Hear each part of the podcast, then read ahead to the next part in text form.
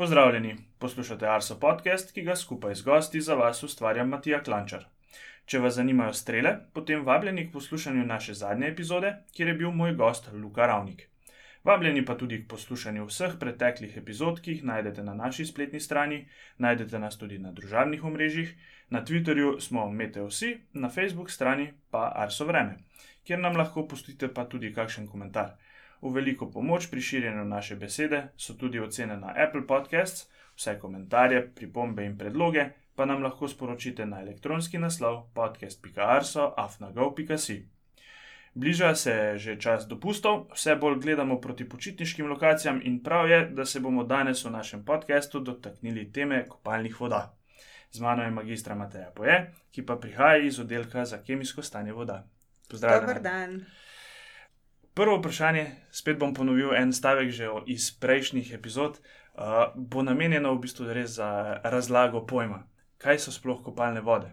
Kopalne vode so pri nas odseki na naših rekah, jezerih in pa morju, ki so namenjeni izključno kopanju. Pri nas imamo teh kopalnih voda 48 in sicer so to odseki na rekah Soča, Idrica, Nadiža, Kolpa, Krka. Kopalne vode so določene tudi na obeh jezerih in sicer na Bohinjskem jezeru, na Blejskem jezeru in seveda na morju. Vsaka lokacija pa ne postane kopalna voda, pač pa si je država za določitev kopalnih voda postavila kriterije. In sicer so te kriteriji naslednji.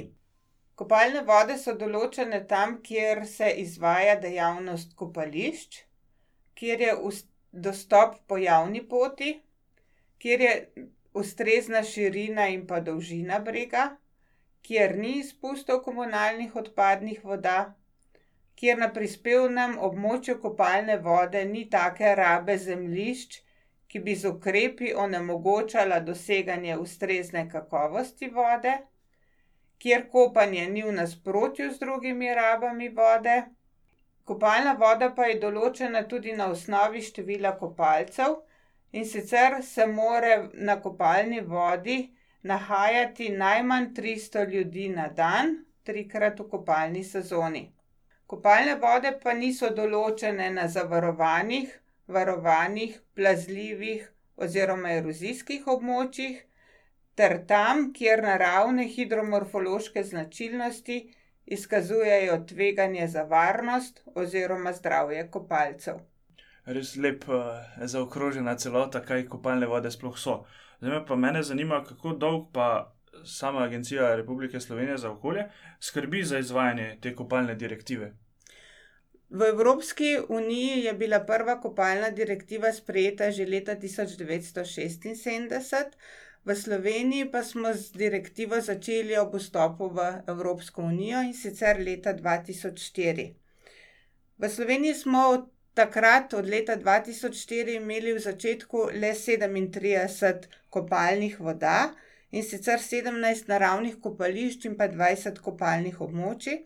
Takrat sta si pristojnosti na tem področju delili Nacionalni inštitut za varovanje zdravja oziroma takratni Inštitut za varovanje zdravja in pa agencija. Sistem je bil takrat postavljen tako, da so analize na naravnih kopališčih plačevali upravljavci kopališč, na kopalnih območjih pa smo analize izvajali na agenciji. Predvsem se je takrat pojavila težava, da so bili upravljavci kopališč lastniki podatkov, zato je bila težava predvsem pri poročanju podatkov ostalim ustreznim inštitucijam. Leta 2000 osem je bila pa sprejeta nova kopalna direktiva, in takrat je tudi Slovenija pristopila k reviziji seznama kopalnih voda. In sicer jih imamo, tako kot sem že rekla, pri nas zdaj 48, takrat pa so z novo zakonodajo tudi vse pristojnosti na področju spremljanja kakovosti kopalnih voda pristale na Agenciji Republike Slovenije za okolje, pri čem z Nacionalnim inštitutom za javno zdravje še vedno zelo dobro sodelujemo. Država mora vse podatke poročati tudi Evropski komisiji, in zato je prav, da so vsi ti podatki zbrani na enem mestu. In Evropska komisija vsako leto pripravi tudi poročilo o stanju kopalnih voda v vseh državah Evropske unije. In sicer je v Evropi ogromno število kopalnih voda, govorimo že kar o enaindvajset tisočih kopalnih vodah in Slovenija s svojimi oseminštiridesetimi kopalnimi vodami predstavlja le nula dva procenta vseh evropskih kopalnih voda. Pa kljub vsemu lahko rečemo, da je število naših kopalnih voda glede na število prebivalcev primerljivo z ostalimi evropskimi državami. Lahko se pa pohvalimo, da glede na skromno obalno linijo lahko rečemo, da Slovenija glede na tistih enaindvajset kopalnih voda sodi v sam vrh med državami Evropske unije. Kako pa sploh delimo drugače kopalne vode? Kopalne vode delimo na dve kategoriji z z vidika upravljavcev, in sicer govorimo o o naravnih kopališčih in pa o kopalnih območjih. Na naravnih kopališčih imamo upravljavca, in sicer je ta upravljavec dolžen, da poskrbi za urejenost in pa tudi varnost kopališča. Tako je upravljavec dolžen, da na kopališču zaposli reševalce iz vode, da kopališče ustrezno označi, prav tako recimo vemo, da na urejenem kopališču imamo vodne površine ograjene, kar pomeni, da je akvatorij, ki je namenjen kopanju, ograjen. Tu so sanitarije, tu mora biti prostor za prvo pomoč, tu se navadno najde tudi ustrezna gostinska pa tudi športna ponudba. Ustreznost naravnih kopališč pa redno preverjajo pristojne inštitucije, in to so Ministrstvo za obrambo, Ministrstvo za infrastrukturo pa tudi Uprava za pomorstvo.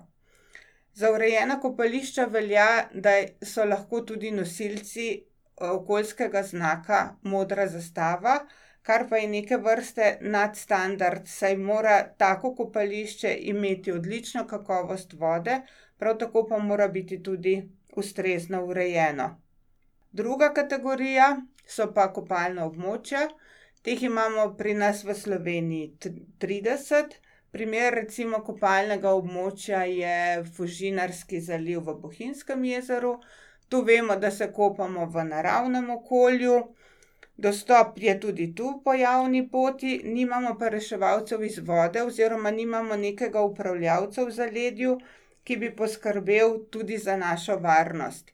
Zato vemo, da se na kopalnih območjih kopamo izključno na lastno odgovornost.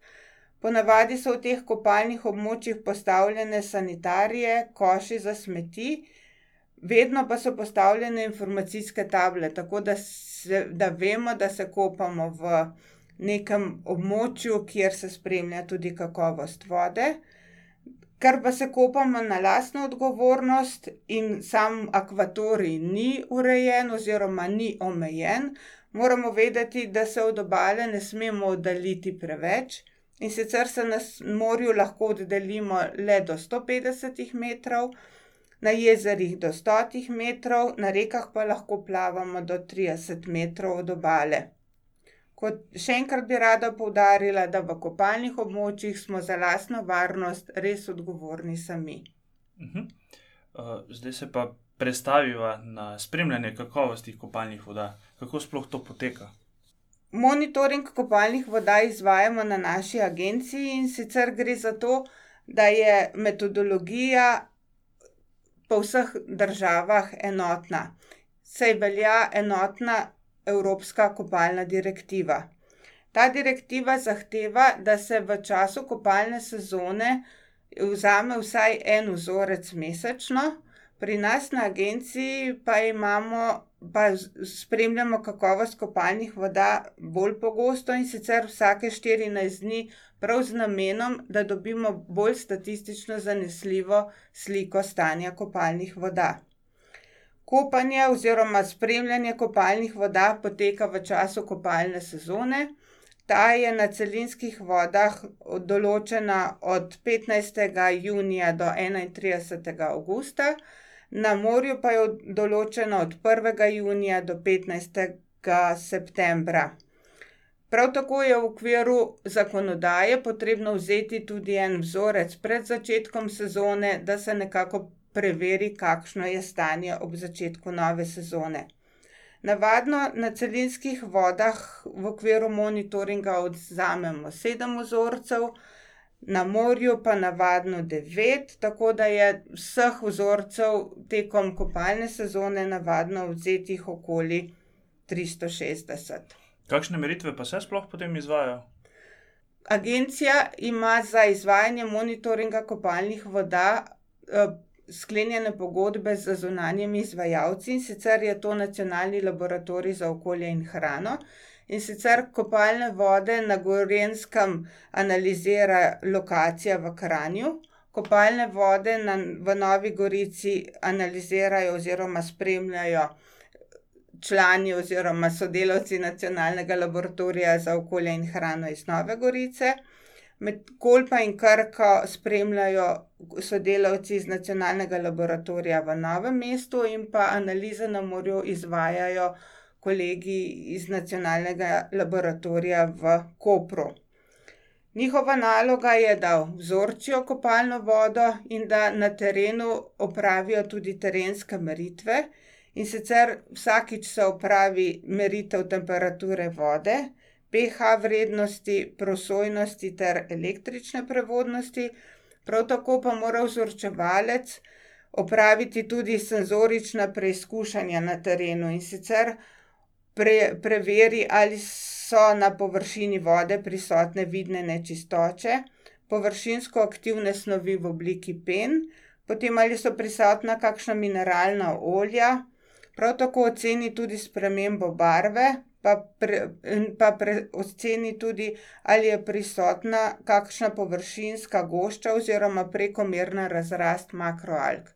Njegova naloga je potem odvzeti tudi vzorec vode za analizo v mikrobiološkem laboratoriju, kjer v mikrobiološkem laboratoriju opravijo analize na prisotnosti dveh bakterij, in sicer sta to bakterija intestinalni enterokoki in pa escherichia coli.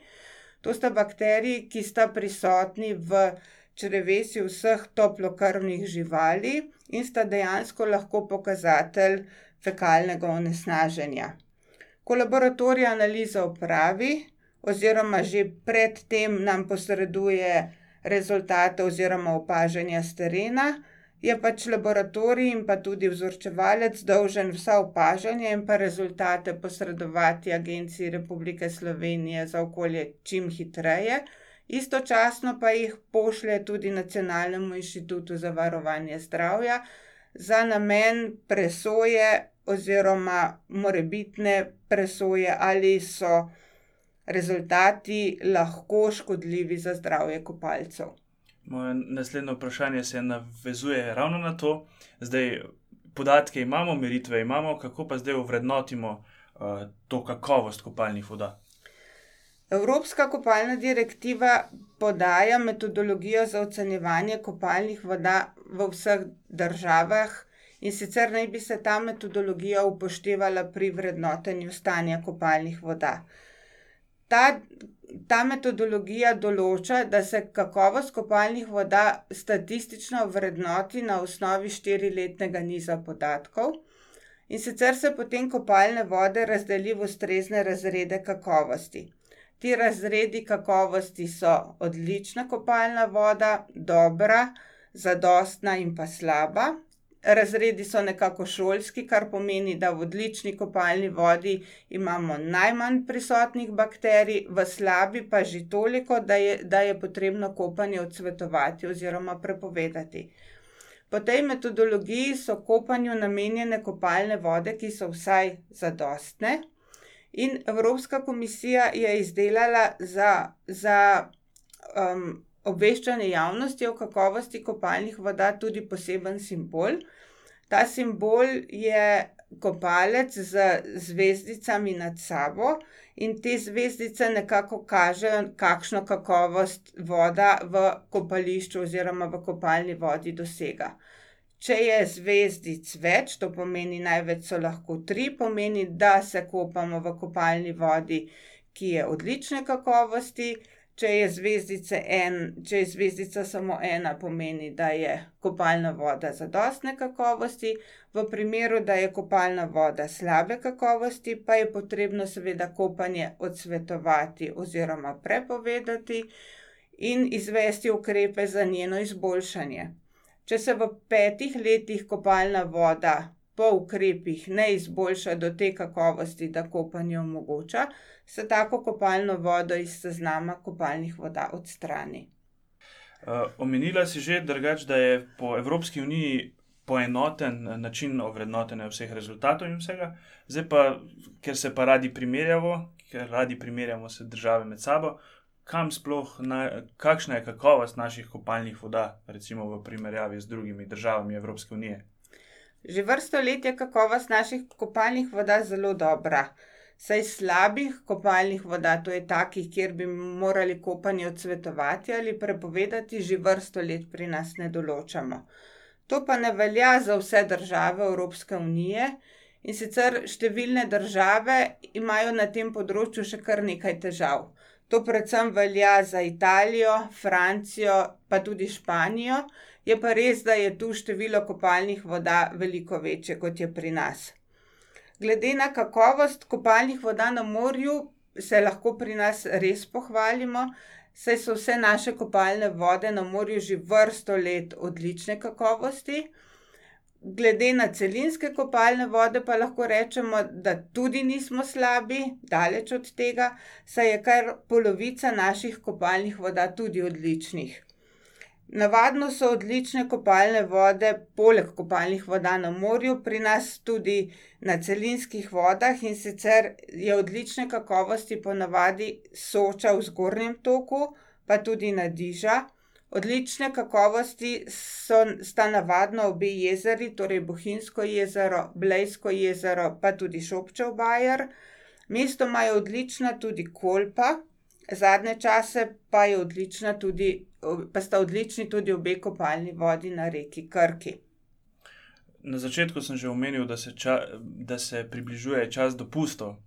Zdaj me pa sam zanima, kako lahko, recimo jaz, ki me zanima, v kakšnem, ne vem, načrtujem dopust, gremo se kopati nekam na morje, kje lahko najdem te podatke. Kot sem že rekla, Evropska komisija objavlja poročilo o stanju kopalnih voda vsako leto pred začetkom kopalne sezone. Tako da, če se želiš odpraviti kam v tujino, lahko na njihovi spletni strani pogledaš aplikacijo, ki se ji reče Vice, in v okviru tega, te aplikacije lahko vidiš, kako so bile kopalne vode po Evropi ocenjene v preteklem letu. Če pa te zanima kopanje pri nas, pa ti priporočam, da si pogledaš spletno stran Agencije Republike Slovenije za okolje, kjer imamo prav posebej izdelano spletno stran na temo kopalnih voda. Tu, prisot, tu, tu najdeš dve aplikaciji, ena je dostopna za mobilne telefone in sicer je na zemljevidu Slovenije, so na zemljevidu Slovenije označene kopalne vode. S klikom na posamezno merilno mesto pa lahko zveš, kakšna je mikrobiološka kakovost teh kopalnih voda, tako da vse podatke sproti objavljamo. Prav tako se kopalec o stanju kopalnih voda lahko prepriča tudi na samem kopališču. Na naravnem kopališču je upravljalec dolžan obešati oziroma objavljati sprotne rezultate o kakovosti kopalnih voda. In sicer um, je upravljalec dolžan spletne strani Agencije Republike Slovenije prepisati rezultate oziroma kakovost kopalne voda označiti z smejočim obrazom, če, kopal, če so ti zadnji rezultati ustrezni. Upravljalec kopališča pa je o objavi rezultatov obveščen s poročilom, ki ga generira naš sistem ob vnosu novih podatkov. Na kopalnih območjih pa imamo črtno kodo, ki ti omogoča, da se preko mobilnega telefona povežeš z spletno stranjo agencije. Prav tako pa so naši podatki objavljeni tudi na spletni strani v obliki poročil, prav tako vsako leto osvežujemo kazalce okolja, na spletni strani pa boš našel tudi številne publikacije, kako se pri nas varno in zdravo kopaš da pa zaključiva tale najn pogovor o kopalnih vodah, kaj vas recimo še čaka v prihodnosti? Imate kakšen, kakšen projekt na vidiku? Planov imamo kar veliko, oziroma bom rekla, mogoče želja. Ampak prva noviteta, ki se obeta že v letošnji kopalni sezoni, je to, da pripravljamo mobilno aplikacijo, ki bo seveda ki bo dostopna tudi preko mobilnih telefonov, tako da bojo, da boš kot kopalec z mobilno aplikacijo dostopal lahko do, do stanja naših kopalnih voda. V Evropskem uniju, v Uniji se do leta dva tisoč dvajset obeta revizija direktive. Nekako so se na evropskem nivoju pogovarjajo o morebitni spremembi ocenjevanja stanja kopalnih voda pa o morebitnih novih parametrih. Ampak je to še stvar strokovne debate. Pri nas pa se nekako nadejamo, da se bo da se bo tudi seznam naših kopalnih voda revidiral v bodoče, saj je pobud strani lokalnih skupnosti kar nekaj. Vse te pobude pa nekako pregleduje Ministrstvo za okolje in prostor, ki je nekako dolžno te pobude pregledati in jih tudi, recimo seznam kopalnih voda revidirati in ga objaviti v, v naši zakonodaji. Super, najlepša hvala, Mateja, za tale lep pogovor o kopalnih vodah, pa upam, da bodo tudi vode sledile, vem, čez poletje, da bodo čiste in da se bomo res, lahko naužili, dobrih morskih trenutkov. Prosim, pa seveda prijeten dopust. za vse tiste, ki vas zanima še kaj več, smo ob podcastu pripravili tudi zanimive povezave, tako da boste na tekočem tudi z vsemi podatki o kopalnih vodah. Hvala vsem za poslušanje in pozornost, obilo lepega vremena do naslednjič in se slišimo čez štirinajst dni.